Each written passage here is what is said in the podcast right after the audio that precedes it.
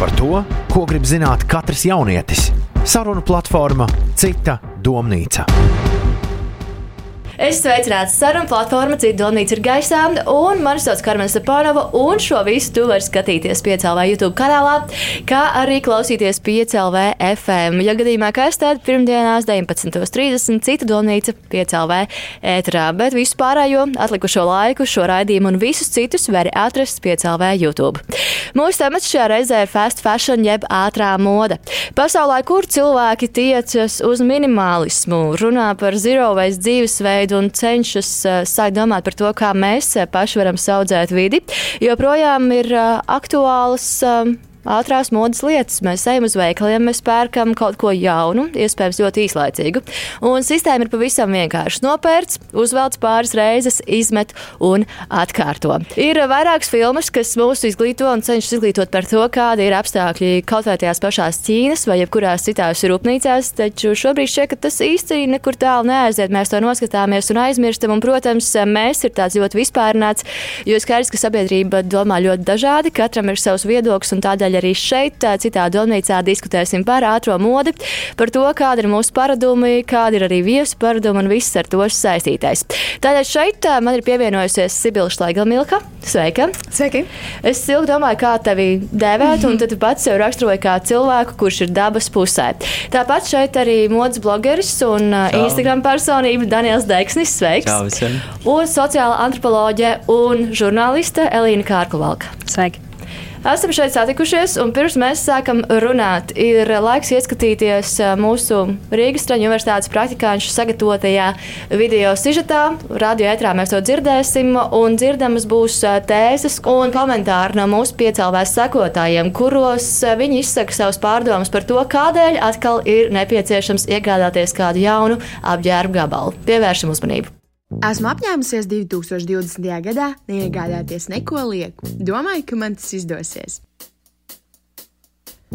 Tomēr jau pāris dienas vēlāk sapratu, ka viss, kas ir manā garderobē, ir zaudējis aktualitāti. Šo es pirku jau pagājušajā gadā, un es taču nevaru iet uz to ballīti, jo visi atcerēsies, ka man tas bija uzvilkts. Kur lai es smeļos jaunu iedvesmu? Mans radošais avots laikam ir aizdambējies. Jā, vecais apģērbs arī laikam saplīs. Vai dažreiz caurumi ir tik lieli, ka pat aizlāpīšana nelīdzēs? Nu kas tas tāds? Šitas neder. Ko es domāju, kad es to pirku? Nē, nē, nē, šo visi ir redzējuši. Jaunu bildi Instagram vai Facebook. Man taču vajag izskatīties stilīgi. Tādas drēbes ir arī manām draudzenēm. Apnicis viss vecais. Šis taču vairs nav modē. Nezinu, kurš ir izgudrojis augstspēļu kurpes, bet viņš ir bijis patiesi ģēnijs. Mode tā ir māksla. Un man dzīvē vajag jaunas krāsas. Ka mode un iepirkšanās man ir kā terapija. Punktoti, puķoti, rūtoti, zaļi, pelēki, džinsi visās varavīksnes krāsās. Man vajag kaut ko šai sezonai atbilstošu un košu, kas mani patiesi izcels. Mode dod lielāku pārliecību pašam par sevi. Un viss taču ir tik lēti, tādas atlaides. Cik viss ir skaisti, es ņemšu visu. Un visbeidzot, varēšu ielikt jaunu bildi Instagram.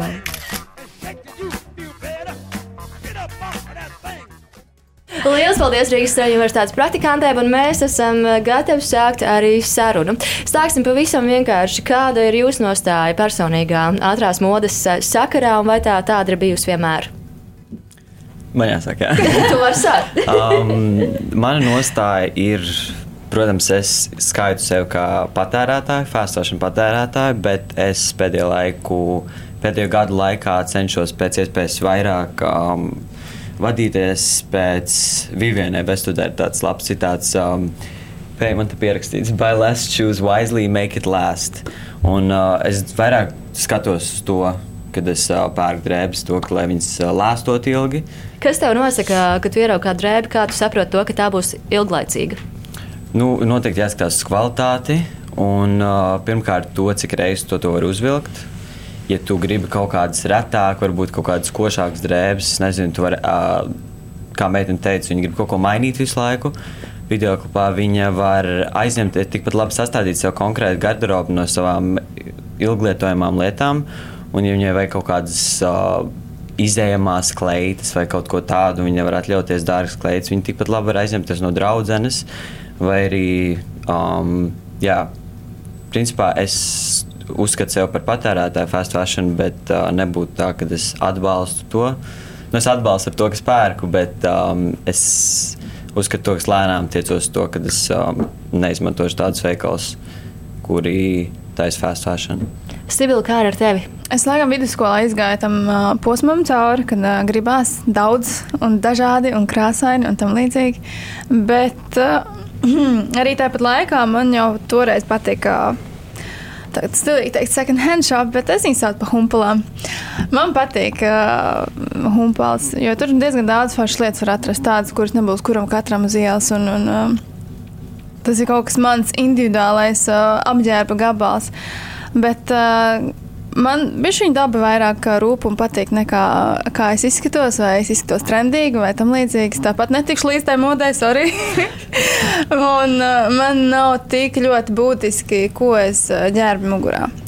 Es, es biju tajā posmā, kad jā, 5 eiro topiņš, bet es, es zinu, ka mans topiņš kalpos nu, trīs reizes, četras reizes varbūt. Tāpēc nav baigā jēga to pirkt. Kas tev bija vidusskolas laikā pamudināja pirkt vairāk un patērēt vairāk?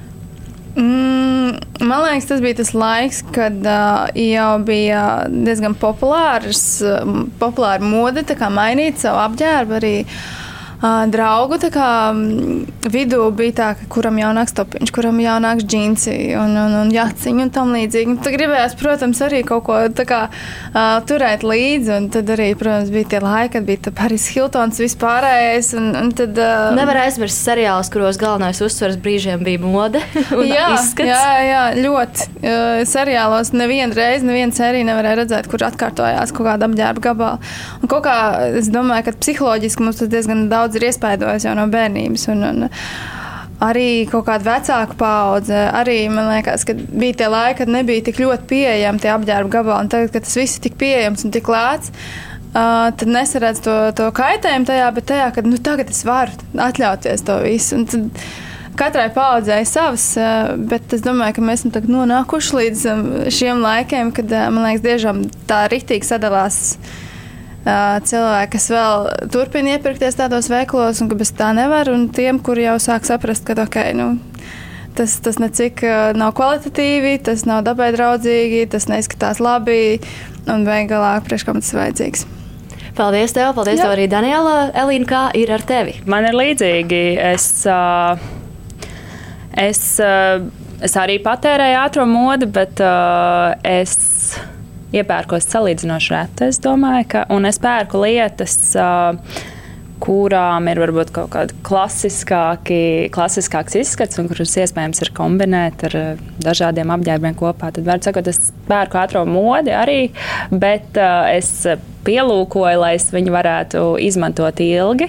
Un, un arī ātrās modes veikalos reizēm arī var atrast kvalitatīvāku apģērbu, kas izturēs vairāk par trim mazgāšanas reizēm. Un es kombinēju šo to nopērku arī uh, humpalās, kā Sibila teica. Šo to es izvelku no mammas skapja, no 90. Mm -hmm. gadu gardrobas, kas šobrīd arī ir trendā. Un, uh, un man pat gribētos teikt, ka šāda, šāda pieeja tāda apzināta pieeja apģērbam, tas arī jau kļūst par trendu.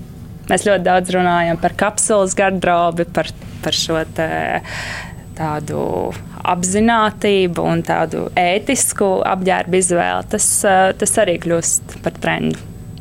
Bet tomēr, ja cilvēks ir um, iekritis iekšā tajā ātrajā modē, mēs arī pēc tam turpinājām runāsim par to, ka ļoti daudziem tas sagādā prieku. Uh, kā viņus varbūt pat nenosodīt, bet kā viņus vest uz to, ka var jau arī bišķi citādāk, bišķi apdomīgāk. Es domāju, ka tas jau notiek. Arī šīs ātrās modes, tādas nu, lielie zīmoli, viņi arī piedāvā dažādas apģērba kolekcijas, kas ir ilgspējīgākas. Viņi piedāvā varbūt arī aiznest to savu lietotu apģērbu un nodot viņiem. Viņi, viņi atbild jau uz šiem uz šiem, viņi atbild uz šo trendu. Jautājums ir par to, cik šī tendence, kāda viņai ir nu, tā vidas ietekme, vai tas ir tikai trends, vai arī mēs vienkārši patērējam ātru apģērbu vai kādu apģērbu, ātru viņu nonēsājam, aiznesam uz uh, veikalu vai aiznesam, nododam tur, kur viņi pārstrādās, vai, vai aiznesam viņu uz, uz kaut kādai labdarībai, nododam un tad par to aizmirstam un turpinam pirkt jaunu. Man un... reizēm ir sajūta, ka iespējams tas būs ar tā nodošanu, atlaides saņemšanu un kuponu saņemšanu var būs iedrošināt uh, vairāk vēl pēc tam iegādāties, jo gal galā skats ir atbrīvots, rekur man ir atlaide, uh, viss es eju un vēl ņēmu jaunu lietu. Šis, te, šis te atlaides kupons vai vienkārši sajūta, ka tu esi tā atbildīgi atbrīvojies no drēbēm, nu tā ir tā tāda, tāda brīvlaišana. Tā sevis, kā, sevis tā kā mānīšana vai tāda grēka izdaršana. Kas, mums, kas mums ir ar tām atlaidēm? Kādēļ tiklīdz ir atlaide lietai sīkums, vai tie ir divi eiro vai trīs, kas nostrādā smadzenes, kā jūs domājat? Es redzēju ļoti labu mīmīmu īstenībā.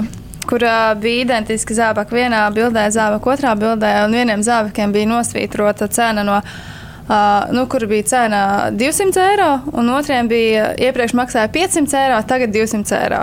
Un tad tā cilvēka, nu, tā kā Cilvēku reakcijas tiem, kur bija parasta, parasta cena, bija, ak, Dievs, tik dārgs, nekad mūžā nepirkt. Un tur, kur bija nosvītrot, ak, Dievs, man viņi jāpērk, tāpēc, ka viņi tagad ir lētāk. Es nezinu, kas tur psiholoģiski cilvēkiem notiek, kad viņiem liekas, ka tagad ir tas brīdis, ja, kad es tagad pirkšu līdzīgi. Es, es uh, vairs tajā īsti nevaru uh, iejusties, tā teikt.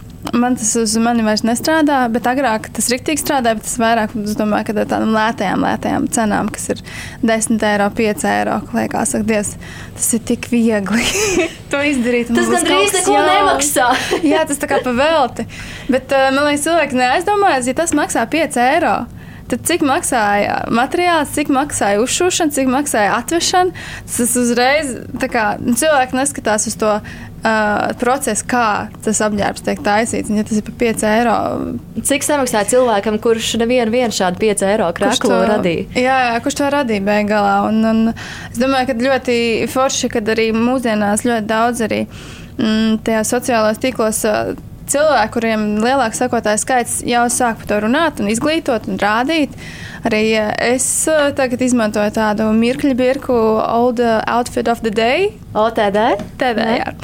Un, ja viņu apskatās, tad ir diezgan daudz cilvēku šim trendam. Arī sako, ka nav tā obligāti ir jāiet uz kaut kādām tām pašām humpulām vai jāpēr kaut kas jauns, bet vienkārši izturies pret savu apģērbu ar rūpēm, ar kvalitāti, un tad viņš arī kalpos diezgan ilgi. Man liekas, mūsdienās arī tu uzvelc vienreiz, ai, kaut kur nomet, ai, viņš vairs neizskatās smuks. Man no bērnības ir iemācījis nepirkt baltu. Tāpēc es nezinu, ka, es zinu, kāpēc. Tāpēc, ka mums bija diezgan tāds um, dzelžains ūdens. Tāpēc tās visas drēbes palika tādas nu, dzeltenīgas. Un kopš tā laika, kad es nepērku balts, vienmēr, kad es nopirku uz baltu topiņu, nu, es viņam dodu. Nu, Četras reizes, kas viņu ir uzvilkts. Tas viss vai nu man viņš jāmazgā ar ūdeni, kas ir avot ūdens, no nu, kaut, ko, kaut kā tā jāmazgā, viņš es nezinu. Bet uh, kopš tā laika, kad man nav balts apģērbs, man liekas, arī Es neatceros. Es vienmēr tās drēbes, kuras kaut bišķiņi novalkāts, kuras jūtu, ka viņas nav līdz galam novalkātas. Bet, uh, bet viņas vēl izskatās labi. Tās uzreiz zina, ka tas dod labdarībai. Nu, lai viņas ir kaut cik normālā stāvoklī. Mēs pirms tam runājām, ka ir līdz beigām novalkāts. Jā, mēs noteikti arī tajā ielūkosimies, jo ir pat procentuāli uzskaitīts, cik daudz. Um, drēbes nāks izmest ārā tiem, kuriem šīs drēbes tiek atdotas kā labdarība. Bet, Daniela, kā tev ar atlaidēm? Krīti, nekrīti? Uh, nu, es personīgi nekrītu. Es arī apsveru to otru pusi, ka um, bieži vien, ja tam ir atlaide, tam var būt kāds defekts, vai arī nerunājot tieši par uh, atlaižu laiku, bet jā, vai tas ir ārpus sezonas, vai tam ir kaut kāds defekts. Es pilnībā saprotu to psiholoģisko, ka cilvēkiem ir tur nosvītrot, nosvītrot uh, cena un man gribās to pirkt. Bet um, nu, atkarībā no tā, kas tas ir, ja tas ir kaut kas, kas tev ilgi noturēsies, ilgi noturīgs apģērbs, tad kāpēc neizmantot atlaidi? Bet, ja iet runa par tiem pašiem hauniem un zāra veikaliem, tad uh, tas ir viens, vēl viens mārketinga triks, kā viņi vienkārši tev ātrāk pēc iespējas jānovelk tā drēbe, lai tu viņu varētu nopirkt jaunu un mainīt visu laiku tā uz riņķi. Ir vēl tie, kuriem ir atzīmētas e, īpaša cena. Kad mm -hmm. viņš pat nav īsti atklāts, bet šis ir lētāks, bet kvalitatīvs, un šī ir īpaša cena šim materiālam. Jā. Viss kaut kas ir Tas redzēts. atvieglo lēmumu pieņemšanu. Mm Mhm. -hmm. nu, ja tu redzi, tas varbūt maksā tur 20 eiro, varbūt tu padomā, bet ja viņam nosvītro cenu, neatkarīgi kāda ir tā jaunā cena, tev uzreiz ir vieglāk pieņemt, eh, pieņemt lēmumu, kas pirks šo apģērbu. Un tā ātrā moda pēc definīcijas jau vispār kas tas ir. Tas ir, ā, Tas ir labs mārketings. Tas ir labs mārketings, jo, jo tas ir tas, kas tev virza, un tā ir tāda, nu, o, lētāka, tāda uh, pieejama imitācija luksus apģērbam. Jo bieži vien nu, tās ir tādas Jā, tā ir arī tā kopijas tam, ko- definīcija tam, ka tā, tas, kas notiek modes nedēļās, ļoti ātri, tiklīdz ir modes nedēļa, tā šie ātrās modes radītāji ķer labākos mm. -hmm. izskatus, dizainus un ā, pārtulko viņus ātrās modes Viņi valodā. pārdod šo sapni par luksus dzīvi. Jā. Un, uh, un ātrā moda viņa arī ir raksturīga ar to, ka tā ātri noveco, gan nomazgājas ātri, jo ir šie mm. lētie materiāli, lai viņi varētu būt par pieejamu cenu patērētājiem. Un viņi arī, kas bija arī redzams video iepriekš, uh, viņi arī mainās ļoti ātri Jā. trendi. Mēs, nu, varbūt tas, kas nu pat vēl bija modē, to par to tūlīt teiks, oh, tas ir tik 2019. Jā. Un mēs ļoti atpazīstam šos trendus. un tad Patērēt ātrā modu mēs ejam tādā, tādā nepiesātināmā ciklā, no kur ir grūti izlikt ārā, jo tā sāta sajūta nekad nav piepildāma. Jā, par to man arī kāda draudzene teica, ka tu nopērci, tur ir tas īslaicīgais. Uhu! Un pēc kāda brīža sapratu, to, ka nē, man vajag vēl, man nepietiek. Bet par to mēs runāsim pēc brīža. Tagad rādījums ir Donīts dosies iekšā dziesmā, un piecēlvē ēterā atgriezīsies uzreiz pēc dziesmas. Saruna platformā Cita domnīca. Radījums ir domnīca, skan tavās ausīs neatkarīgi no tavas atrašanās vietas, un šeit ar Elīnu, Danielu un Sibilu runājam par ātrā modi un tās ietekmi. Viens no populārākajiem iemesliem, lai iegādātos ko jaunu, ir uh, slavenais man nav ko vilkt. Un uh, pat tad, kad ar drēbēm skāpis ir līdz malām pilns, cilvēki tāpat attopas situācijā, man nav ko vilkt. Uz jautājumu, vai šī situācija ir pazīstama, piecēlā Instagram 87% respondentu atbildēja apstiprinoši. Un pirms rādījuma daži cilvēki arī dalījās savā viedoklī un citēju, naudas kļūst mazāk, draudz vairāk, bet laimes sajūta ilgtermiņā nepalielinās. Ar drēbēm aizlāpu emocijas, pārgurumu, tukšumu sajūtu, pārvaru zem pašvērtējumu un brīžus, kad esmu kad esmu viena pati, jeb neesmu attiecībās. Par priekšstiem runājot, gribas ērtības, tādēļ pa dzīvokli brauc robots, ir dažādas citas ierīces, bez kurām it kā varētu iztikt. Un uh, manam jautājumam atsaucās arī meitene, kuras uh, māma ir stiliste, un tur tas viedoklis bija nedaudz citādāks. Kārtējās kleitas vai bikšu vietā var nopirkt ko liederīgāku. Esmu arī sadusmojusies, kad esmu veiklā ar māmu, un viņa vēlas visu pirkt, jo tas viss taču ir tik skaists. Pati uz pārtiks veikalu eju ar sarakstu un turos pie tā, ja problēma ir nopietna, ir jāpārbauda savu izdevumu un jāsaprot, kas tajos ir neliederīgs. Paldies eh, par viedokļiem gan Marutai, gan Ulai, un mēs eh, dodamies tālāk. Vai jūs kādreiz esat saskārušies ar šo te, man nav ko vilkt, es neiešu? Skapis ir pilns, bet tukšs, un es nevaru iziet no mājām. Protams. Kurš ir ar to saskāries? Tas nozīmē, to, ka, nu, ja 87% atbildēja apstiprinoši, tad tie 13% melo. nu, man liekas, ka jebkurš ir pateicis tā, ka man nav ko vilkt. Nu, kaut vai tīri tāpēc, ka tas ir jāpasaka. bet uh, ir, ir, man ir bijusi tāda situācija, bet uh, tas bija atkal tajā laikā, kad man bija visvairāk drēbes skapī. Tagad, kad man viņas bija mazāk, tad es, es šo, šādu tekstu vairs nesaku. Tā ir diezgan interesants novērojums.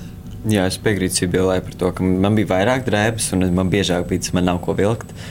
Bet, ja tu saplāno kaut kā to savu garderobu, pirmām kārtām ir vieglāk, ka, ja tu turi tikai šīs sezonas uh, drēbes skapī, un pārējās ir kaut kur noliktas citām sezonām.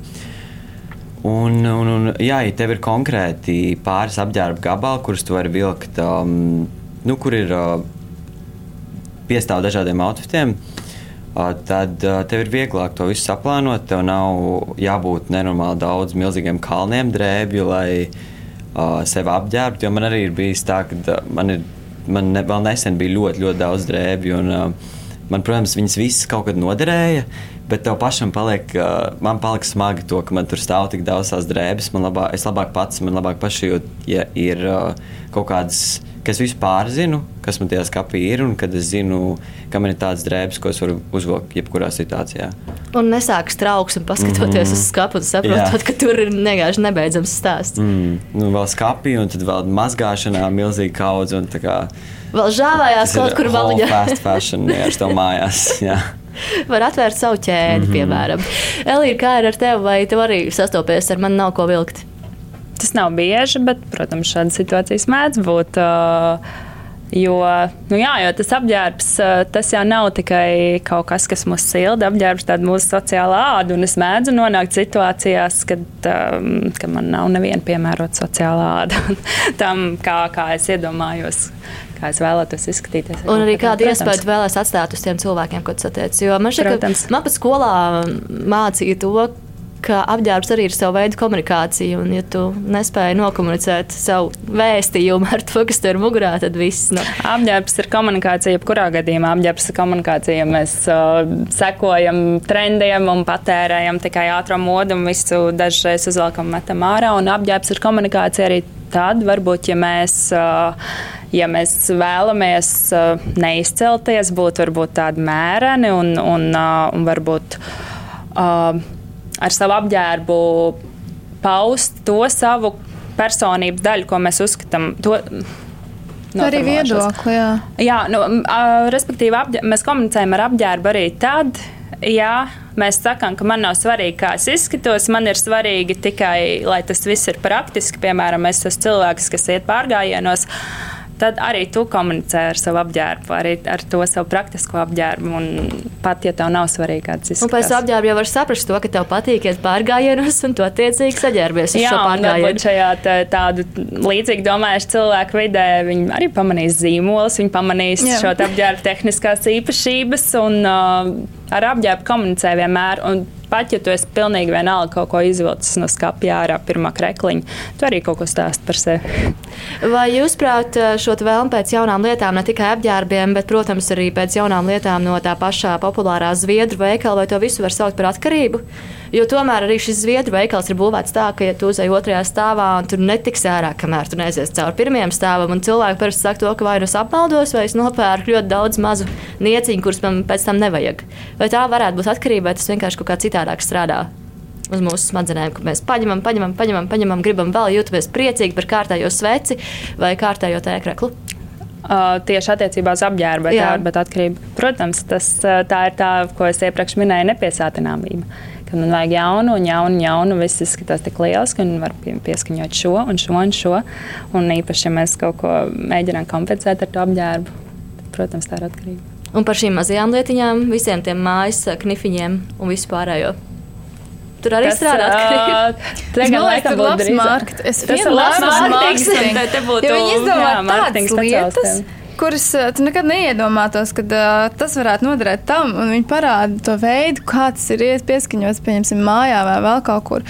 Un saliek tās kombinācijas, kad uh, tev iekšā ir tā tāds signāls, tev to vajag, tev to vajag, tev to vajag. Tu gribi, lai tava māja izskatās tieši Jā, tā. Bet skaidrs, ka viņi tā neizskatīsies. bet ar to podziņu varbūt viņi būs kaut cik līdzīgāki tai, kurai nu, sapņu mājai. Viņi pārdod sapni, viņi pārdod jā. sapni par, uh, par mieru mājās, par uh, harmonisku vidi. Jā, tas, tas nav par nu, jā. Tu, tu jūties, ok, es to varu atļauties, man būs skaisti. Un tas pats arī visām tām uh, reklāmām par apģērbiem un kolekcijām.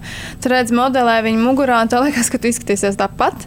Nu, it kā nu, nav tas tāpatās, un katram cilvēkam jau pilnīgi citādāk viņš izskatās tas apģērba gabals. Un ne tikai izskatīsies, bet arī jutīsies. Jā. Varbūt arī būs tā bezrūpīga kopīgā ballītē.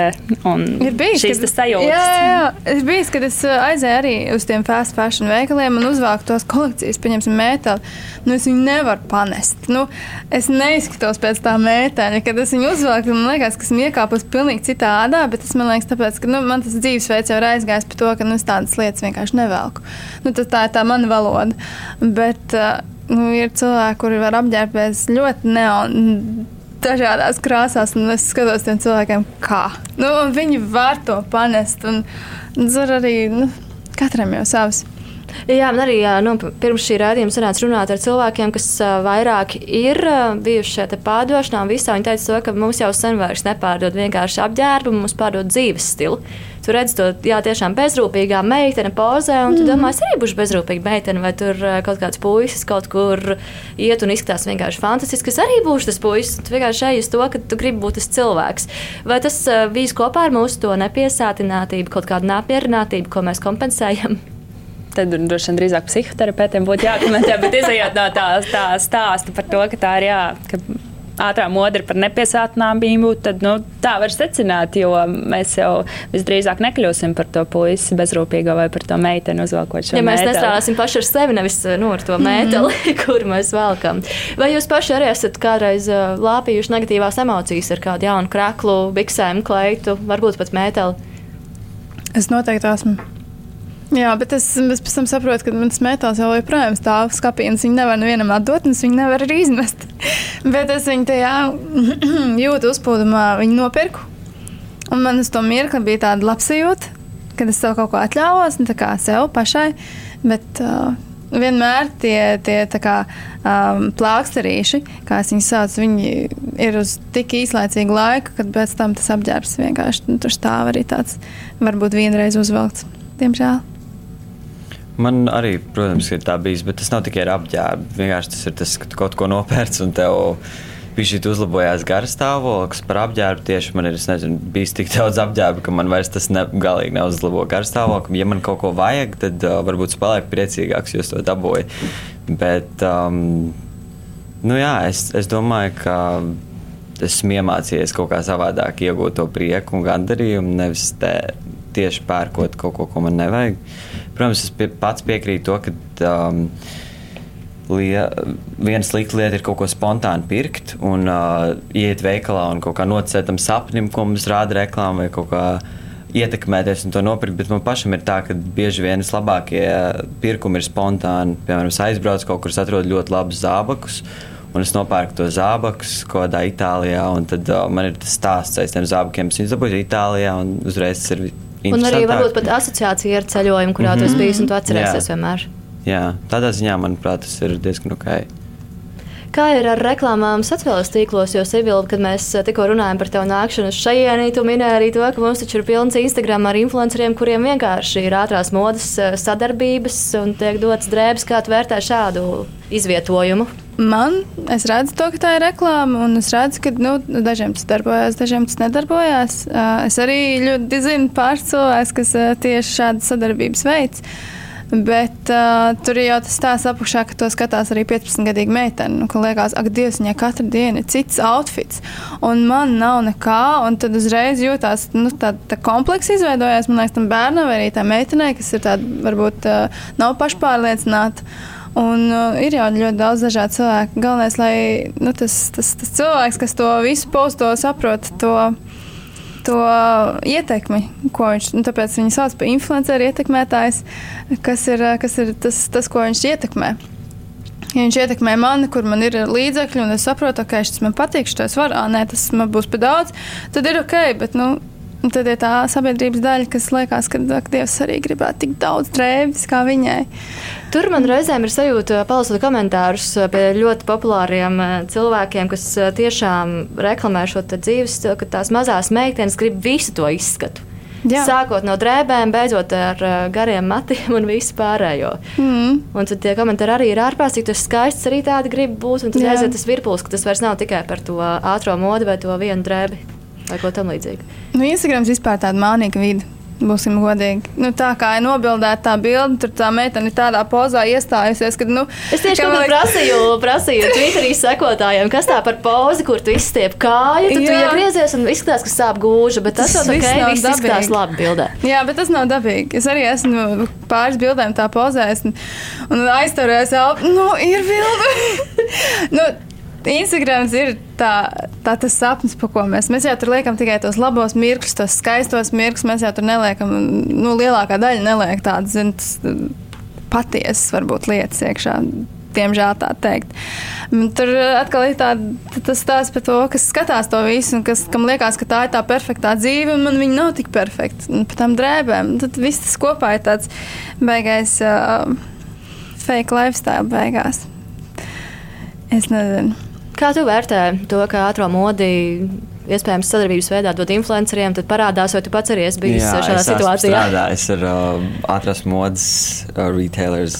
Um, es domāju, ka jā, varbūt 15, 14 gadīgām meitenēm tas liekas.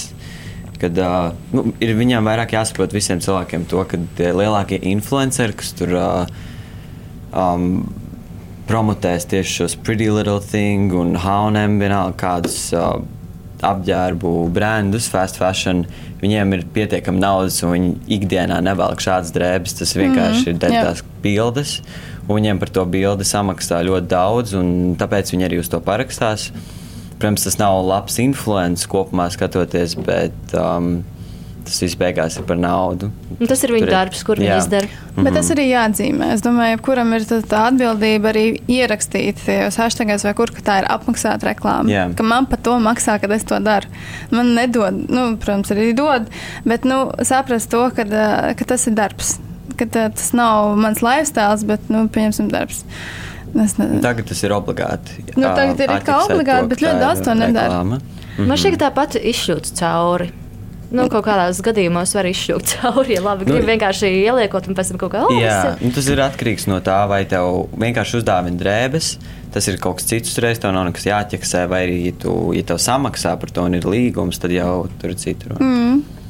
Un, Elīna, tavs viedoklis, sociāla tīkla, Instagram vai pat arī mēdz sekot līdz tam, ko tev cenšas pārdot kāds.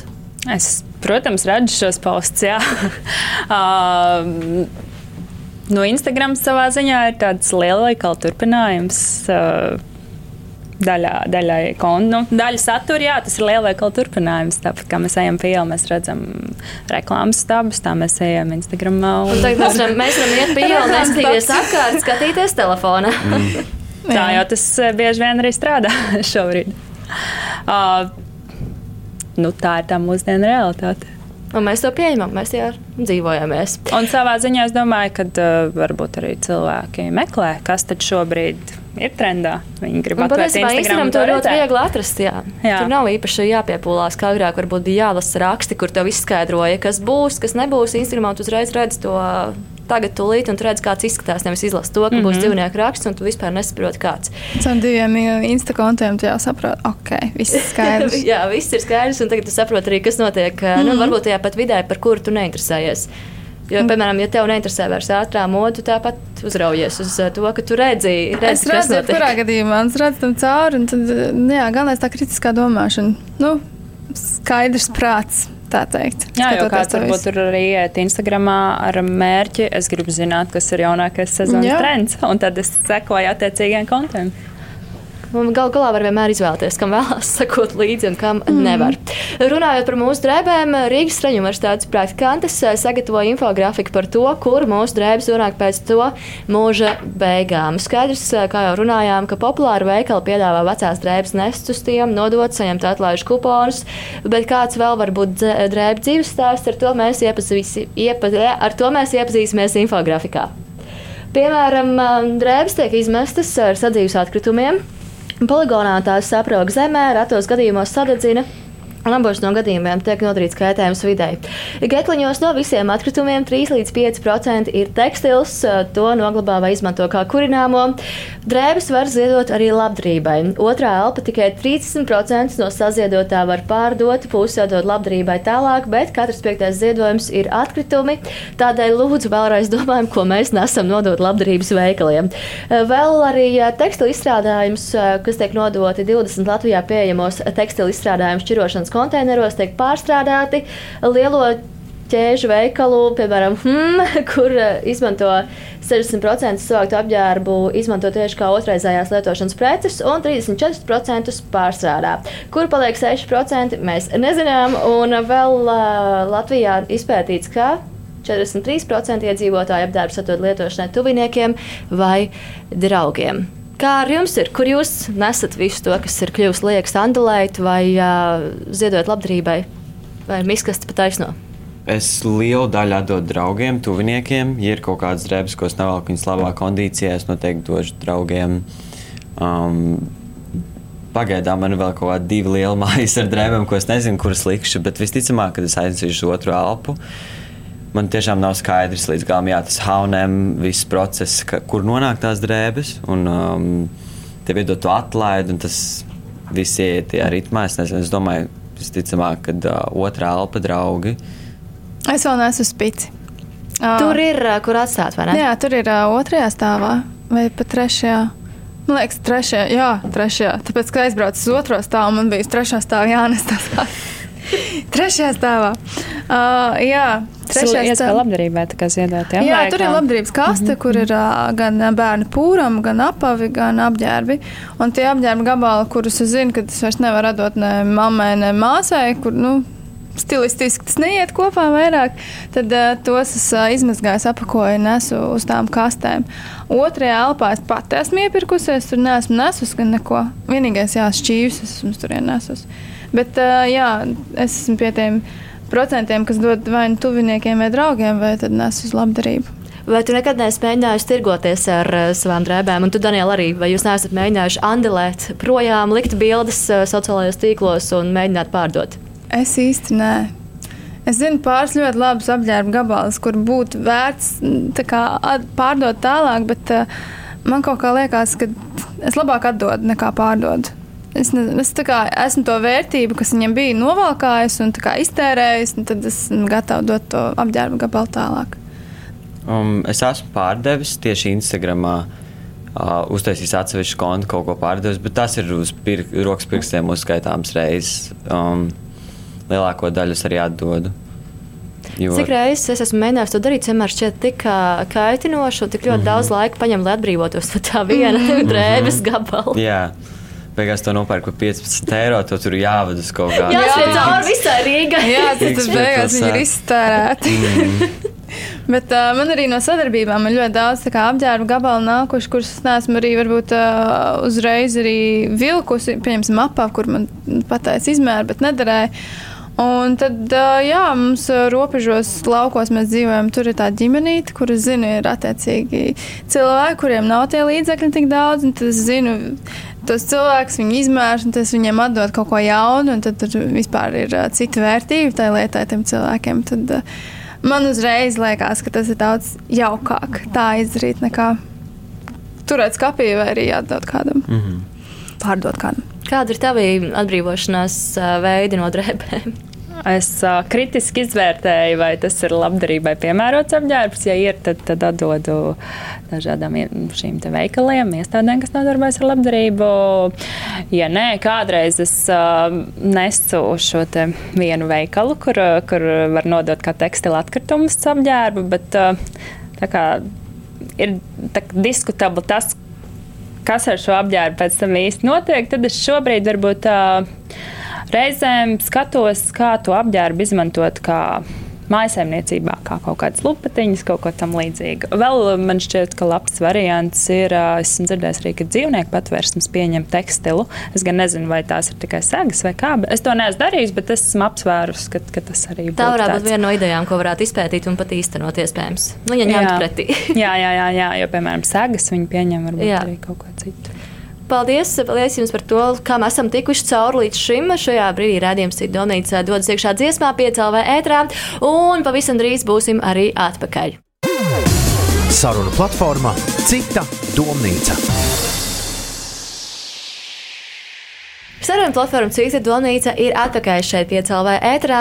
Un eh, šķiet, ka nav cilvēki, kas nebūtu dzirdējuši to, kādu kaitējumu vidē nodara apģērbu un lietu ražošana. Ir pieprasījums, ir piedāvājums, un industrija turpina ražot neaptverams kvantumus īslaicīgi noderīgu apģērbu un arī priekšmetu. Pirms mēs turpinām sarunu, pievērsīsim uzmanību Indras Komarovas eh, komentāram. Viņa ir eh, latviešu modes dizaineriem, pārstāv arī savu zīmolu talanted un vairāk kārt ir intervijās un publikācijās runājis par to, kā veido savu garderobi un kādēļ atbalsta minimālismu. Garderobas veidošanas jautājums ir diezgan aktuāls pēdējā laikā, bet es nekad neesmu domājis par to, ka es garderobu kaut kā speciāli veidoju. garderoba veidojās atkarībā no tā, ko es daru un kādas ir manas aktualitātes un tā brīža intereses. Bet man garderobē lietu ir, manuprāt, maz. 90% apmēram, no visām lietām ir mana zīmola lietas. Tas ir ērtas, praktiskas, lai arī reizēm varbūt tās neizskatās pilnīgi pēc tādām pamatgarderobas lietām. Tomēr uh, man ir ērtība, man ir diezgan uh, svarīga. Tai garderobas papildināšanai var būt dažādi iemesli. Ja tas iemesls tiešām ir tāda pirkšanas atkarība, tad ir jāsaprot, kas ir tie iemesli, kāpēc tas veidojās. Un vai tiešām nevar atrast kādu citu veidu, kā kontrolēt, radīt to kontrolas sajūtu par savu dzīvi? Es neteiktu, ka jāsāk pirkt obligāti dārgākas lietas, lai samazinātu darbu, garderobas apjomu. Tas ir veids, kā to izdarīt, bet tas nav obligāti. Manuprāt, lieliski var kalpot arī tā nabaga žaketīte par 29,99, ja pret viņu attiecīgi izturās. Bieži stilisti un dažādi profesionāli pašapziņas pacēlēji runā par to, ka vajadzētu izvēlēties košāku apģērbu, sievietē vajag ziedēt un tam līdzīgi. Tam līdzīgi. Manuprāt, melnai krāsai nav vispār nekādas vainas, bet bez melnās krāsas ir vēl dažādas citas uh, neitrālas krāsas, kas brīnišķīgi iet kopā ar citām. Pirmkārt, kapsulas garderobei ir jāsastāv no spoguļa tāda spoguļa, kurā var sevi redzēt pilnā augumā un, ir, eh, un labā apgaismojumā. Ideāli, ja var atkāpties kādu gabalu no spoguļa. Vienmēr jāatcerās, ka uh, kā mēs skatāmies paši uz sevi spogulī. Tad, kad mēs skatāmies uz sevi spogulī, mēs redzam detaļas. Ārprāts mata šodien nestāv, ārprāts pumpa ir uzmetusies, ārprāts tur pa daudz tauku. Un, ne, nu, tas dekoltē gan tā forši izskatās. Bet uh, cilvēki no malas mūs novērtē kā kopumu. Tāpēc ir ļoti vērtīgi, ka ir tas spogulis, kur var atkāpties. Otrakārt, tā ir uh, mīlestība uz savu ķermeni. Lielākoties, manuprāt, ja cilvēkam nepatīk tas, ko viņš redz, tajā labi apgaismotajā spogulī, ja viņš nostājās pretī kails, un viņam nepatīk tas, ko viņš redz, būs grūtāk sev sastādīt jebkādu garderobu. Tāpēc ir divi varianti. Vai nu jāiemīl savs ķermenis, vai nu jādara tā, lai tas ķermenis iemīl mūsu. Ļoti labs sužets. Vai tev uzreiz ir arī komentāri par dzirdēto? Pareizi, man liekas, arī teica, ka, ja tas tev patīk, tad nav problēma. Es nezinu, kā to noformulēt, bet uh, jā, nu, tev jau jāmīl, ir, un savs ķermenis jāmīl, un uh, jāprot viņš apģērbt. Un, uh, arī par to kapsulas, jā, garderobu, kad uh, tikko uzzināju tādu terminu īstenībā. Vēlreiz paldies Indrai par viņas sniegto komentāru. Kādas metodas jūs paši izmantojat, lai iespējams samazinātu to, ka varbūt risks aiziet un kaut ko iegādāties. Ir šie saraksts, ejot uz veikalu, pēc kura mēs vadāmies, pieturamies klapes uz acīm un ejam vienā virzienā. Vēl kāds arī ir teicis, ka mēdz atstāt pie kases savu iekāroto lietu uz kādu stundu, divām, un ja atcerēsies beigās aiziet to paņemt, vai galvā joprojām būs šī doma par šo apģērbu gabalu, tad tikai viņi iegādāsies, kas ir iespējams vēl kaut kas, kā mēs varam viņu sev tomēr kontrol, pārņemt kontroli par savu dzīvi. Jā. Kā mēs varam to izdarīt? Es parasti strādāju tik ilgi, kad veikalā jau cietajā brīdī, kas var aiziet kaut ko sev nopirkt. Tas ir mans kontrols mehānisms, bet uh, man personīgi nepatīk veikali. Man, tagad man jāpērk bikses, bikses novēlkāt tiešām līdz beigām, tā ka es viņas pat nevaru nevienam atdot. Un, ja man jāpērk bikses, tad tas ir tāds notikums uz visu dienu. Man atliek tikai trīs reizes uzvilkt kaut kādas bikses pērīšanai, un viss tā man pietiek, ka šodien nepirkšu bikses. Es nezinu, man tāda antipātija ir izveidojusies pēc cilvēku masām, tām atlaidēm, uz to, to, to mārketingu visu. Es tiešām eju pakaļ tādai lietai, ko man tieši tajā brīdī vajag. Daniela, kā ar tevi, vai tu ej pakaļ kādā lietā, ko tev tieši vajag, vai tu ej paskatīties, un tad tu pazūdi tajā melnajā caurumā? Nu, man ir līdzīgs Sibilai tādā ziņā, ka man vispār nepatīk tā veikala vide. Visas tās gaismas, nenormāli daudz cilvēku. Putekļi arī tur ir. Putekļi, un es jūtos apdulis pēc kaut kādām 30 minūtēm haunēm. un tam Bet, um, skaņām. Jā, tie veikali, kur es eju skatīties, ir maksimums 30 km2 liela, un uh, tur nav daudz ko rakties cauri lietām. Protams, sērijas vintage šopiem, bet uh, man visbiežāk ir skaidri, lietā, skaidri galvā nolikt lietu, ko man vajag, pēc kā es eju. Ja es kaut ko meklēju, tad tas arī ir ar mēru. Tas nav parasti fast fashion veikalos. Tu vismaz zini, kur tur jāiet, lai nebūtu Jā. tas viss, kas tev nepatīk mm. -hmm. veikalos. Kā ar, kā ar tevi ir, piemēram, arī pirms sarunas tu teici to, ka tu esi mamma. Vai tas kaut ko maina tavos veikalu apmeklējuma paradumos, vai ir tā, ka fiks iekšā, fiks ārā, vai jāpadara ilgāks laiks? Uh, nu, jā, tam ir bijis diezgan liela ietekme, jo man vienkārši ir mazāk tā laika. un Tad, tad ja man ir tas laiks, es eh, ļoti izvērtēju, vai es viņu gribu pavadīt veikalā. un Tad, līdzīgi kā Sibelē, tad tas arī ir tāds kontrols mehānisms, ka man īsti tā kā nav laika doties uz tiem veikaliem. un Līdz ar to es dodos tad, kad man vajag kaut ko konkrētu. Bet, protams, es neesmu simtprocentīgi imūna pret eh, mārketingu. Un, un, ja es esmu veikalā, un ja varbūt es ieraugu kaut ko un nodomāju, ka šī ir forša lieta, un varbūt es neesmu plānojis viņu pirms tam pirkt, tad es izvērtēju. Kā bija šajā sižetā teikts par šo kapsulas garderobu, es izvērtēju, ar cik tām lietām, kas man ir skapī, es varēšu saskaņot. Un tad, ja ir tādas vairākas, tā kā, ar kurām to var saskaņot, tad es ļaujos šim impulsam. Un Neprātam. nopērku. Jā, iepirkšanās neprātam. Vienīgais, jā, kur man ir neprāts, tas, tas, tas ir humpals. Tur man ir neprāts. Es nezinu, kāpēc. Tāpēc, ka jā, nu, tur visādi tādas lietas var atrast, kuras mm, konkrēti neatradīs veikalos. Mm. -hmm. Piemēram, Levis džins jaku vai arī kaut kāds mm, Timberland jumpers. Un, un es vienmēr atradu kaut ko tēvam, māsai, brālim, vēl kaut ko. Tad nu, tur man pārņem bišķi tas, ka tu esi atradis pērli un tev viņu vajag. Parastajā veikalā tev apmēram ir skaidrs, tu nu, esi redzējis, iespējams, viņa mājaslapu vai vienkārši redzējis izkārtojumu. Humpalās neko nevar saprast, kamēr tu nesāc. Tur vienkārši jā, arī jārok cauri tam visam. Jā. Jā. Un Jā. ir tik nenormāli daudz foršas, foršas uh, tās humpals, it īpaši mazpilsētās. Par to parasti runā, jā, ka katram, kurš uh, apciemo mazpilsētas, visi vienmēr zina to, ka vai nu Jā. kādā mikrorajonā vai kaut kur ir daudz labāk kā centrā, vai mm. Mhm. uh, kur apgrozās ļoti daudz cilvēku. Bet, ja runājot par veikaliem un tie, to, kas jums tajos nepatīk, mums taču ir internetu veikali 24, 7, 365. Ej, sēdi, skaties bildes, atlaides non-stopā. Kādas ir jūsu attiecības ar to, ka tu vari pasūtīt jebko, ko vēlēsies internetu veikalos, un tikai staigāt uz pastu vai uz uh, pakomātu vai sagaidīt kurjeru? Es vairāk esmu mīmīms redzējis ar internetu veik- veikalu pērlēm. Nekā reāls piemērs, cik labi man izdevās atrast īsto izmēru. Šie ir tie ķīniešu veikali, kur viņi ražo ļoti lētu materiālu lietas, un tad eh, cilvēki pasūta savu izlaidumu kleitu. Jā, jā. Vairs nevar eh, neko labot situāciju. Atnāk kaut kāds uh, sintētisks palaks. XXL Jā. palaks, jā. Man šī tā vienreiz bija, ar, ā, es pasūtīju kurpes.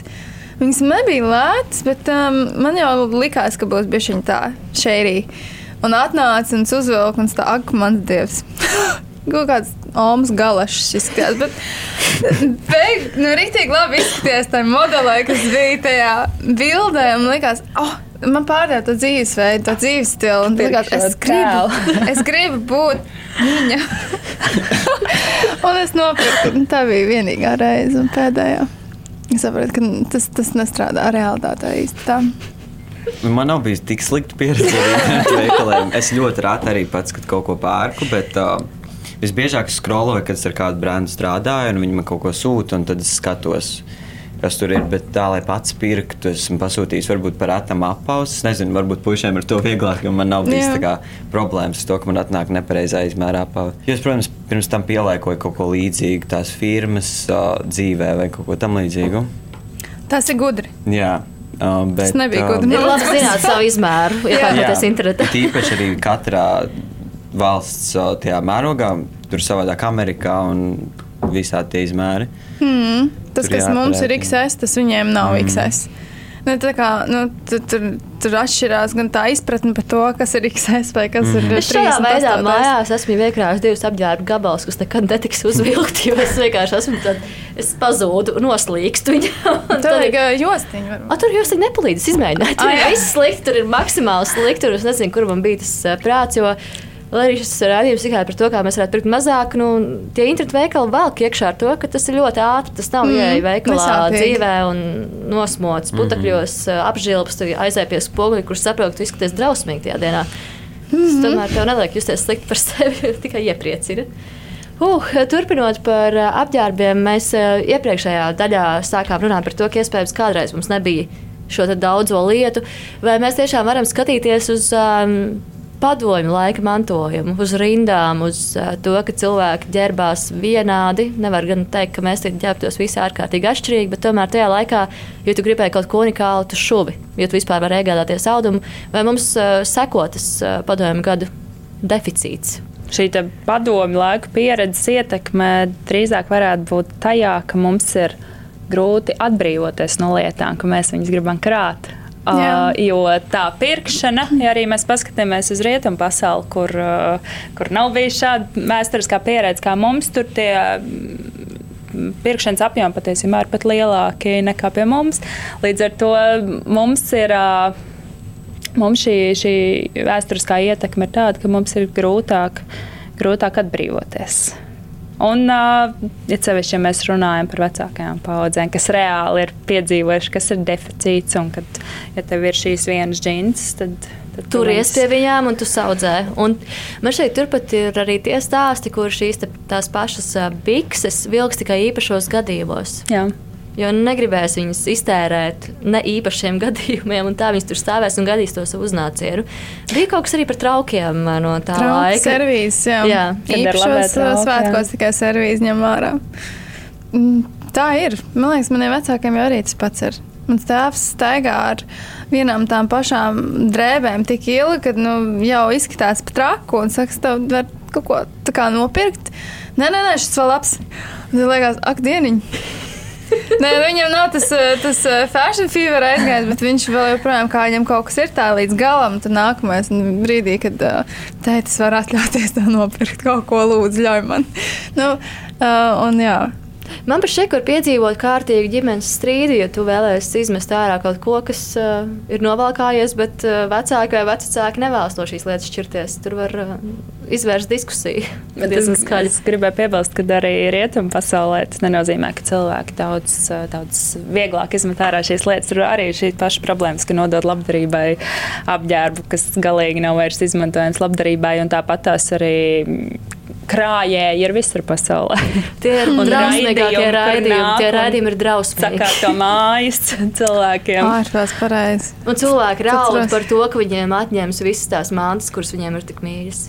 Jā, tā nav tikai mūsu unikālā Jā. lieta. Bet tomēr Latvijā patīk runāt par to, ka mēs, nu, mūsu senču pieredzi stāvēt šajās rindās. Un, Tagad mēs stāvam arī reizēm. Patīk stāvēt rindās, lidostās. Mums uh, patīk lietas paturēt. Tas nozīmē, ka viņas ir aktuālas, kad, nu, kad uh, viņas ir pieprasītas. Kad stāv rindā, tā, tad tu stāv pēc kaut kā laba no sērijas.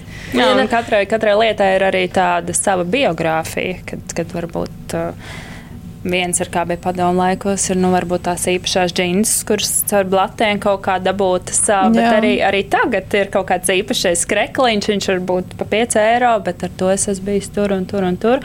Un katrai lietai veidojas savu biogrāfiju, un tas ir viens no iemesliem, kāpēc mums ir grūti atbrīvoties no lietām, jo viņas savā ziņā ir tā kā tādas dzīves būtnes. Mēs izjūtam tādu atbildību. Vai ir kaut kādas metodas, kā palaist vaļā? Kā palaist vaļā to krāklu. Labi, viņam tur ir stāsts. Nezinu, pirmā iemīlēšanās, sazina, kas vēl, pirmais lielais koncerts vai festivāls, kurā esi bijis, vai pirmais lielais ceļojums. Bet tomēr tā lieta jau jūg, turās uz pēdējiem diedziņiem. Nu, kā, kā viņu palaist pārstrādes dzīvē, cerams, pārstrādes? Viņi izjūgs tik ļoti, ka viņi vairs nevarēs sataisīt. Viņš tā bija ar vieniem šortiem. Viņi izjūga Āzijā.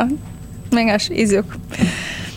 Nekas. Toties tev ir stāsts par to, kā tu atstāji savus šortus Āzijā. Jā, un tad es tur dabūju viens cits, kas bija bijuši vislabākie šorti manā visā mūžā. Tā kā pat trīs. 50, man šķiet, bet arī kur vien es tieši runāju to šuvēju. Tur bija pilnīgi cita tā, tā saikne no tiem džinsiem. Jo es tieši ar to šuvēju runāju, kā viņas taisīja no kaut ko, un to tik ļoti piestāns uzreiz tā komunikācija ir tāda, ka no tevis man tā, tā foršs, foršs tas stāsts reiz veidojās. Un tiem šortiem bija tāds foršs viss finito. Biogrāfijas pēdējais punkts. Jo Jā, mums cilvēkam ir svarīga sākums. šī sajūta, kad, ka vai nu viņa dzīve ir beigusies, vai varbūt mēs atstājam kādās labās rokās, nododot labdarībai. Jā. Tā ir tāda. Cilvēks tā kā cenšas kaut kā to savu rīcību racionalizēt. Par šo tēmu. Vai tu ir ko piebilst? Ah, Sāk- nē. Ah, ok. Viss kārtībā. Es vienkārši dzirdēju, ka ļoti daudz cilvēku noliek kaut kādas lietas malā. Un ja viņi zina, ka viņi kaut kādā divu vai trīs mēnešu laikā neuzvilks. Tā tad viņš jādod prom. Tā kā tā varētu taisīt to dabīgo izlasi, atlasi no tā, ko tu reāli vēlaties. Es redzēju vienu sižetu, ka mūsdienās, nu, tagad ikdienā mēs reāli valkam tikai 20% no tām drēbēm, kas mums reāli ir skapī. Nu, vismaz es toču. Es vienmēr vienu tie paši džins, viens pats krakls no sērijas un viens hudijs. Viss man ir uh, izdevusies diena. Bet uh, jā, tā atlasa, ka jā, ja ilgāk pusgadu nav vilkts, noliec maliņā un viss, un tad šķiries lēnām. Man Lēnām. strādā. Lēnām, jā. Man divas reizes ir to atlasu taisīt. Bet strādā. Vēl par ā, drēbēm un to nākamo dzīvi runājot, ā, mēs esam izveidojuši infografiku par drēbēm, ā, kur tās var nodot un kā utilizēt nevajadzīgos apģērbus, no kuriem, no kuriem esam gatavi šķirties. Mēs jau minējām labdarība un patvērsmes. Tāpat var ziedot arī biedrībai Sarkanais krusts. Rīgā, Mārupas, Babīts un Tukuma novadā varam izmantot 20 atkritumu konteinerus, kuros var izmest tekstilu izstrādājumus. Un skaidrs, ka līdz 2025. gadam plānots, ka tāda būs visā Latvijā. Nebūs speciāli jābrauc uz kādu konkrētu vietu. Tāpat var nodot arī ētās modes veikalos, par to saņemot atlaižu kuponus. Var arī, kā runājam, atdot ā, apģērbu draugiem un paziņām un pārdot dažādās interneta platformās. To tiešām ir daudz, un tur var um, izpildīties. Tu vēl minēji to, ka varam lupatiņās izmantot, varam kaut kur pāršūt, vēl kaut ko darīt, bet arī tavs maģistra darbs bija saistīts ar um, savā ziņā ar ātrā modu vai šo pārstrādi. Ko tu atklāji? Kas notiek tajā visā? Um, pasaulē. Jā, es pētīju tieši iemeslus, kādēļ cilvēki tās drēbes uh, nes uz labdarības veikaliem, nevis vienkārši izmet viņas atkritumos. Kādēļ, kādēļ tas ir tik grūti? Un tas, uh, nu, tas atklājums bija tāds, par ko jau es ieminējos. Kad, um, lietām ir katrai lietai mēs piešķiram tādu īpašu vērtību, tādu sentimentālu vērtību, un mūsu, mūsu izpratnē viņai ir tā sava, nu, viņa kaut kādā ziņā ir kā dzīva būtne. Un tādēļ mēs nespējam viņu vienkārši tā bezskaislīgi izmest miskastē. Tādēļ tas ir arī iemesls, kāpēc cilvēki varbūt savus. Uh, uh, Zeķes, kas reiz bijušas baltas, bet nu jau ir brūni palēks, kāpēc viņi nes uz, uz labdarības veikaliem, jo viņi uh, runājot ar cilvēku, tas, tas izrietē no intervijām ar cilvēkiem, kaut kādā ziņā viņi kā to atbildību par izmešanu nodot tam veikalam. Un, un vēl viens būtisks iemesls, kāpēc ir grūti vienkārši tās drēbes pirkt un izmest, pirkt un izmest, ir tas, ka uh, mēs šobrīd tomēr, jā, ir šī tā ātrā moda, bet ir arī arvien vairāk mēs dzirdam kritiku. Mēs šodien, gal galā, šis raidījums ir par kritiku, ātrās modas kritiku. Un, uh, un tas arī kaut kādā ziņā uzliek tādu tādu atbildības sajūtu, kad tev no tā. No tā tēka rekliņa lētā tev ir jāizspiež maksimums. Tā kā, ja reiz tie resursi ir iztērēti, tad, tad tu viņu nodod tālāk. Tu ētiski no viņa atbrīvojies. Un varbūt, ja tu nodod atkritumos un dabū šo kuponu, tad tā ir tāda, nu, tāda brīvlēšana. Tā kā es, es atkal varu pirkt tālāk. Un, tā. un interesanti, ka cilvēki pat reizēm tieši manā pētījumā, intervijās, cilvēki šo apģērbu nodošanu labdarībai arī mēdza salīdzināt ar tādu kā pluspunktiņu karmai. Tā kā tas ir, es tā stāvu daudz. Uh, kas daudz vairāk nekā tikai apģērbšanās un, un, un, un doma, ka mēs kādam citam palīdzēsim apģērbties. Vai tu kādu laiku nepavadīji arī šķirojot šos Jā. te ziedotos apģērbus, kas iespējams ir kaut kas tāds, ko tu ieteiktu neziedot un mest pa taisno ārā? Nu, zeķis pirmkārt. Šis piemērs par zeķiem tas bija, tas bija reāls piemērs. Uh, Tad uh, piedomāt pie tā arī, ka šis te, kad, kad apģērbs ir tīrs. Un, jo labdarības veikali nenodarbojas ar apģērbu pārmazgāšanu, viņi viņu varbūt izgludina, bet viņi tādu arī izskrien zālē vai pēc tam dod tālāk, piemēram, uz pansionātiem un citām iestādēm. Tātad izmazgāt šo apģērbu un tiešām pārdomāt, vai, vai, es, vai es to nezinu, balto tēkreklu ar dzelteniem pleķiem pats gribētu vilkt vienkārši uzdot sev, sev jautājumu, vai, vai es gribētu staigāt šajā apģērbā. Jo arī Un runājot arī ar uh, dažādām iestādēm, kur tie apģērbi nonāk, nu, patiesībā tiem cilvēkiem saņemt šādu apģērbu ir diezgan aizvainojoši. Jo, jo mūsdienu pasaulē nu, neviens pliks nestaigā. Arī tad, tad, ja tu esi masturīgs, tad patiesībā tas iespējas tikt pie apģērba ir diezgan liels. Un tad, ja tev dod tādus, nu, necienīgi izskatu apģērbus, tad tas patiesībā ir ļoti aizvainojoši varbūt šiem cilvēkiem. Jā, vienkārši, vienkārši padomāt par, par to, kur viņi nonāks tālāk un vai, vai es pats gribētu nesāt. Es gan esmu dzirdējis no cilvēkiem, ka viņi nu, izšķiro mājās šīs drēbes vai jebkuras lietas šķīvis arī var nest uz labdarības veikaliem. Mm. Bet tad ir slinkums nest līdz labdarības vietai, kur šīs lietas atstāt. Man parasti rodas jautājums, vai tiešām tas ir tikai slinkums aiznest, vai tas tiešām ir tik apgrūtinoši. Vai tomēr tur ir tā nevēlēšanās, varbūt patiesībā atbrīvoties no tām mantām un vēl bišķi paturēt? Īstenībā tas jau tik ļoti atvieglots mūsdienās, ir, ka nu, tas ir tikai attaisnojums, lai to neizdarītu. Tas arī viss. Es nezinu, jebkurš, labi, tie, kas, eh, kam patīk iepirkties vēl kaut ko aizbrauc, to pašu spici nodod apģērbus, kurus tu vairs nelieto un kaut vai nopēc jaunu. Bet to nevajag darīt. bet to ir šis raidījums, ka nē, bet, eh, bet jā, nu, tas ir tikai attaisnojums. Cilvēki vienmēr meklē attaisnojumu dzīvē. Ir laiks dziesmai, piecēlā vētrā, un pēc brīža mēs atgriezīsimies ar noslēdzošo daļu. Saruna platformā Cita domnīca. Radījums Citgalnīgs ir atpakaļ piecā vētrā un ir laiks noslēguma daļai, kurā mēdzam izdarīt arī šādus tādus secinājumus. Ja mēs runājam par cilvēkiem, kurus, protams, mēs nenosodām, kuriem patīk šī ātrā moda, arī es esmu tur bijusi un cik pa laikam tur attopos, kā jūs ieteiktu domāt līdz saviem pirkumiem, kā samazināt to spontanitāti, kas rodas ieraugot kaut ko ļoti lētu un tādu, ko, nu, varbūt vajag, bet tu it kā nevajag, bet tomēr pirkšu. Kā mēs varam paši varbūt tā tīri nomierināties, nolaist to tvaiku? Es domāju, ka pirmkārt mājās vajag saprast, vai, ko tieši vajag, vai to vajag.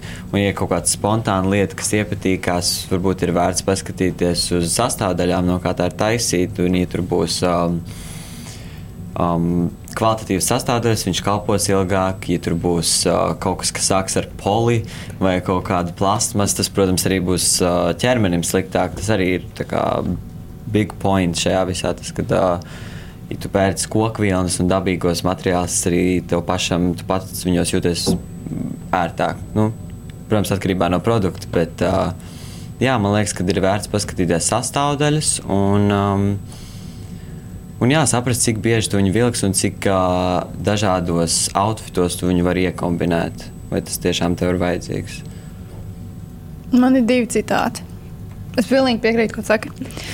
Tas ir pirmais, bet uh, jā, quality over quantity. Tas ir viens, un uh, less is more.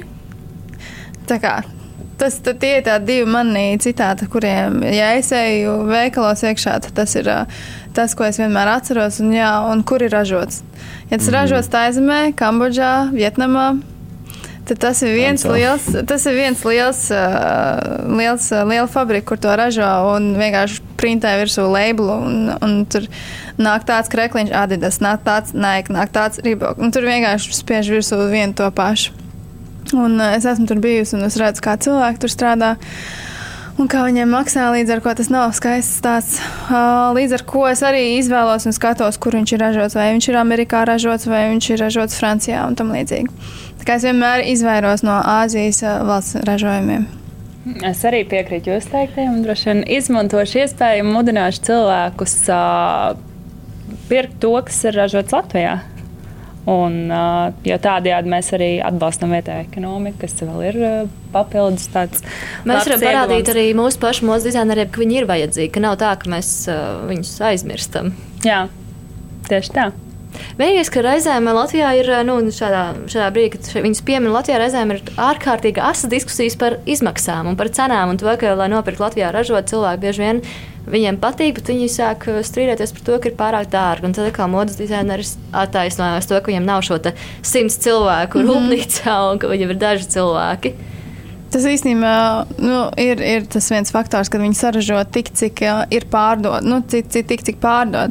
Nevis saražo tur miljoniem krekliņu, ja, kas stāv, savu, stāv un gaida savu slavas mirkli, un iespējams viņi neizpārdod to. Tā kā es piekrītu tam, ka uh, mazos daudzumos saražots, bet uh, par varbūt dārgākām cenām. Jo pašizmaksas ir, uh, pašizmaks ir augstāk. Jā, jā, jā. Tad, ja ražo nedaudz Mm, tas, protams, atkarīgs no tūkstošiem nu, kaut kur Āzijā. Tur arī kritiskā domāšana visā tajā, cik dārgāks vai tam līdzīgi. Bet uh, es domāju, ka ir forši arī latviešu dizainers atbalstīt ar savu maciņu. Un, Tur arī uh, varbūt uh, mūsu latviešu fashionistas, ar, uh, nu, tie, kuriem ir tā atkarība no modes, tad uh, varbūt tur viņi savu ētiku un savu kā kārmas punktu var atstāt, uh, varbūt nopērkot kaut ko Latvijā ražot. Ja tā. Un atcerēties, ka kaut ko pērkot, mēs ar savu maciņu arī balsojam. Jā, un jo vairāk mēs balsosim par Āzijas precēm, jo mazāk mēs varbūt atbalstīsim savējos, jo mazāk mums viņi būs. Atgriežoties pie pašas ātrās modes, kā izspiežam maksimumu? Labi rūpēties par to apģērbu. Tas ir, tas ir viens, bet, nu, jā, jāskatīties, cik līdz maksimumam viņi novelk, lai var vēl kādam atdot tālāk. Jo man liekas, cilvēkiem patīk mainīt savu garderobi un nevelk visu laiku vienu to pašu. Un ir forši, ja draugi, kas maina tos apģērbus. Tikko arī nācu, un ir tādas vietas, kur ir, pieņemsim, var izīrēt pieņemsim, kleitas, vai uh, es arī esmu īrējusi kleitu, jo man nevajag vakar kleitas kur es nevaru uzvilkt nākamo reizi tikai tāpēc, ka es jau vienreiz viņā biju. Darīt par to atkarību, ka tikai vienu reizi var uzvilkt kaut ko skaistu. Un ir vietas, kur var izīrēt ļoti skaistas klaidas vai aizņemties. Tā kā, tā kā domāt, domāt līdzi, kā to maksimāli gan uh, izmaksās uh, rēķināt, ka netērē tik daudz naudas un, un, un varbūt tomēr otrreizēji kādam citam iedot to apģērba gabalu. Jā, es piekrītu par to rūpēšanos par apģērbu. Viņš stāvēs skapīt, viņš noteikti būs ilgāk kalpos, nevis viņš būs nomests stūrī vai arī uz tā viena krāsa, kurš mums visiem ir ar drēbēm. Uz krāsa drēbi kaudzē, un arī skatīties, kā viņas mazgā. Protams, nav vajadzīgs visus uh, apģērbus tur centrifugā laist uz divām stundām, mm -hmm. kas arī vispār nav labi dabai. Uh, arī tas, ka tu ilgi mazgā tās drēbes, dažām drēbēm pietiek 30 minūtēm. Uh, Un tā viņas arī ir iespējams vieglāk saglabāt un jā, skatīties uz tiem pašiem materiāliem, no kā mēs, kā, nu, kādas drēbes, no kā tiek ražotas drēbes. Jo tas arī ir viens no lielākajiem faktoriem, cik viņas ilgi kalpos. Mm, vēl varētu būt piebildi izvēlēties varbūt tādus klasiskākus uh, apģērba modeļus, kas, kas uh, pēc gada nebūs ārpus trenda jau. Tātad, ja šobrīd modē ir puķu raksti, varbūt neaizraujamies ar puķu rakstiem, vai ja modē ir dzīvnieku raksti, tad arī nevajadzētu visu garderobu ar.